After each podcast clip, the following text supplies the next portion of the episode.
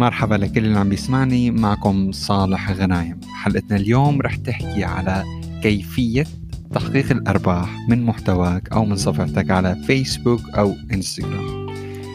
بالنسبة لهي المجموعة من الحلقات رح تكون متألفة من أربع حلقات. الأول حلقة رح نحكي نبذة عن قواعد تحقيق الأرباح. بالنسبة للحلقات الثانية فهي رح تتابع لنتحقق من أهلية صفحتك. نبذة عن المحتوى. وسياسة تحقيق الأرباح للشركاء وأخيرا نبذة عن إلغاء الأرباح والأسباب. بالنسبة لحلقة اليوم رح نحكي عن قواعد تحقيق الأرباح. مثل ما بنعرف يمكن لصفحات استخدام محتواها لتحقيق الأرباح على فيسبوك ومع ذلك يتطلب القيام بذلك الامتثال لسياسات معينة فيسبوك عملتها. هاي السياسات بتحدد إذا ما كنت أنت قادر من خلال صفحتك تجني الأرباح والمال أو لا. بالنسبة لهي المعايير تتقسم لثلاث مجموعات من القواعد رح نبدأ بمجموعة مجموعة. معايير المجتمع. قواعد فيسبوك التأسيسية ضد المحتوى غير الآمن. المحتوى الغير الآمن اللي تمثل. المحتوى الغير الآمن الذي يتمثل في العنف التصويري آه، العري آه، الخطابات التي بتحض الناس على الكراهية. وفي معظم الحالات لازم المحتوى تبعك لا يهدف إلى تحقيق أحد هذه الأهداف. غير هيك رح يكون ما عندك إمكانية لتحقق أرباح من صفحتك. بالنسبة للمجموعة الثانية فهي رح تحكي عن سياسات تحقيق الأرباح للشركاء. تنطبق هاي المعايير على مستوى الصفحة بصفة أساسية.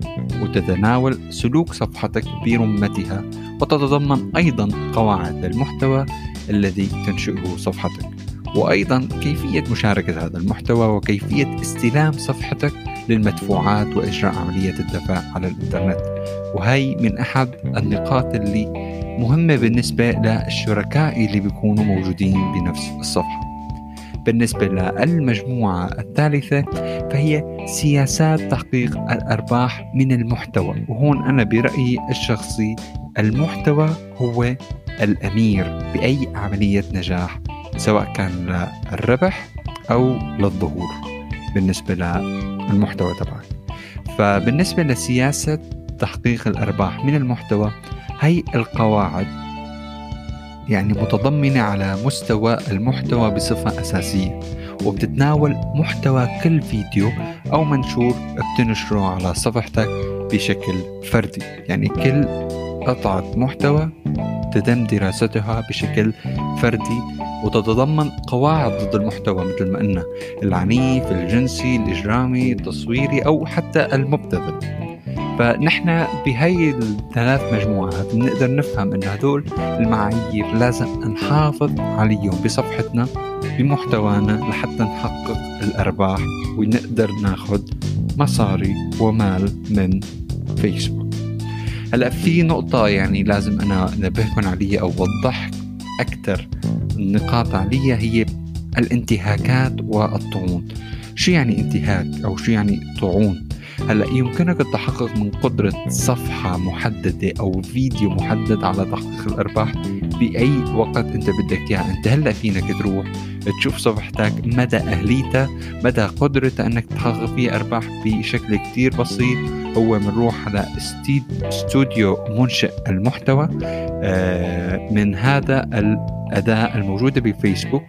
بتقدر تعرف إذا كانت صفحتك مؤهلة أو لا وإذا كنت تعتقد أنه أحد الفيديوهات أو أحد صفحات الخاصة بك آه تم تقييدها بشكل غير صحيح أو في سبب غير منطقي ليش فيسبوك عم بيخلوك تكسب المال من خلالها فينك ترسل الطعن مباشرة لفريق المراجعات وفيسبوك بيعملوا دراسة آه، يعني بشكل دقيق حول فكرتك وبشوفوا يا ترى هالمحتوى صحيح.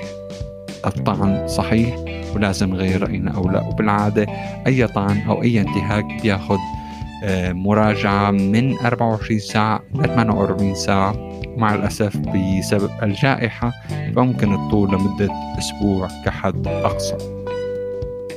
كان معكم صالح غنايم. بتمنى تكون انبسطتوا وتعلمتوا شغلة جديدة وأخذتوا فكرة حلوة عن كيفية الحصول وجني المال من الصفحة تبعتنا على فيسبوك أو إنستغرام Thank you.